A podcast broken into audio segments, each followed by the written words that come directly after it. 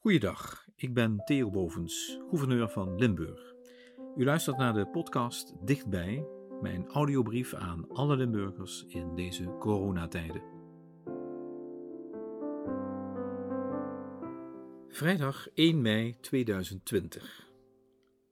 Dag van de arbeid. Vandaag is de dag van de arbeid.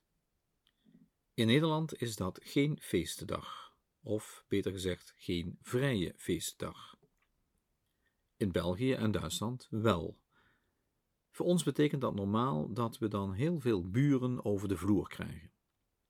Belgen en Duitsers die deze dag niet demonstrerend of de internationale zingend doorbrengen, maar winkelend bij ons. Maar niet op deze 1 mei in het jaar 2020. De Belgen die zouden willen komen, mogen dat niet. En die Duitsers die wel mogen, is dat zwaar ontraden. Zo zag vandaag het nieuwe normaal uit voor deze nog steeds internationale feestdag. Een internationale feestdag die overigens 130 jaar geleden, op 1 mei 1890, zijn allereerste editie beleefde. Dat had toen nog helemaal niets met shoppen te maken, maar vooral met demonstreren. En wel met het demonstreren voor een achturige werkdag. Een dag die er is gekomen. Al zien we juist vandaag dat velen heel wat meer uren maken. Zoals al die mensen in de zorg die nu al weken lange dagen en nachten draaien. Voor wie nu elke vrije dag haast een feestdag is. Maar ook daarbuiten.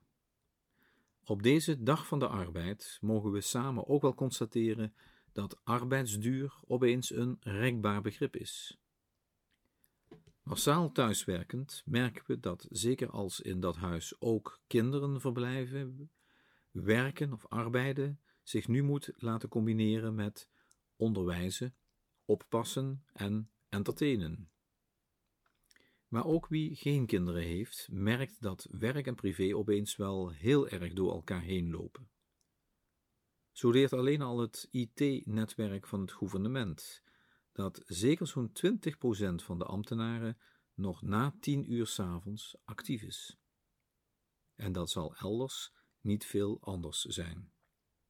Ook daar laat die achturige werkdag zich niet meer zo makkelijk in dat bekende keurslijf van 9 tot 5 dwingen.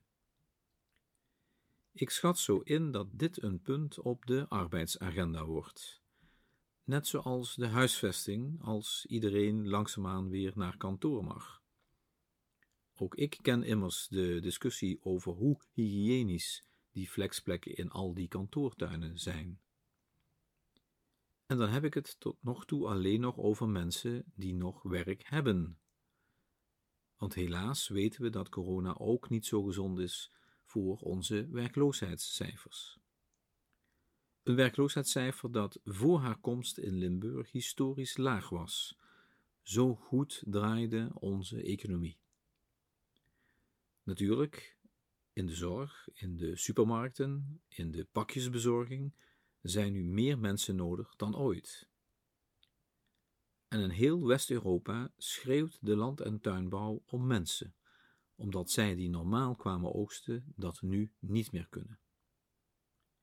Maar daarnaast zien we natuurlijk dat arbeiden in sectoren als de horeca en evenementen nu vaak gewoon niet kan. En zeker wat dat betreft hoop ik met u allen dat we volgend jaar op de Dag van de Arbeid weer echt wat te vieren hebben. Zonder werk zitten is immers niet goed voor de gezondheid. Wist u overigens dat katholieken van oudsher op de 1 mei geen dag van de arbeid vierden, maar het feest van Sint Jozef Arbeider? Sint Jozef, de timmerman, die we kennen als een zorgzame man en echtgenoot van Maria we kunnen ons eigenlijk geen betere heilige voorstellen om ons door deze arbeidscrisis heen te helpen. Dames en heren, zorg goed voor elkaar en daarmee voor uzelf, zoals we in Limburg gewoon zijn. Tot morgen.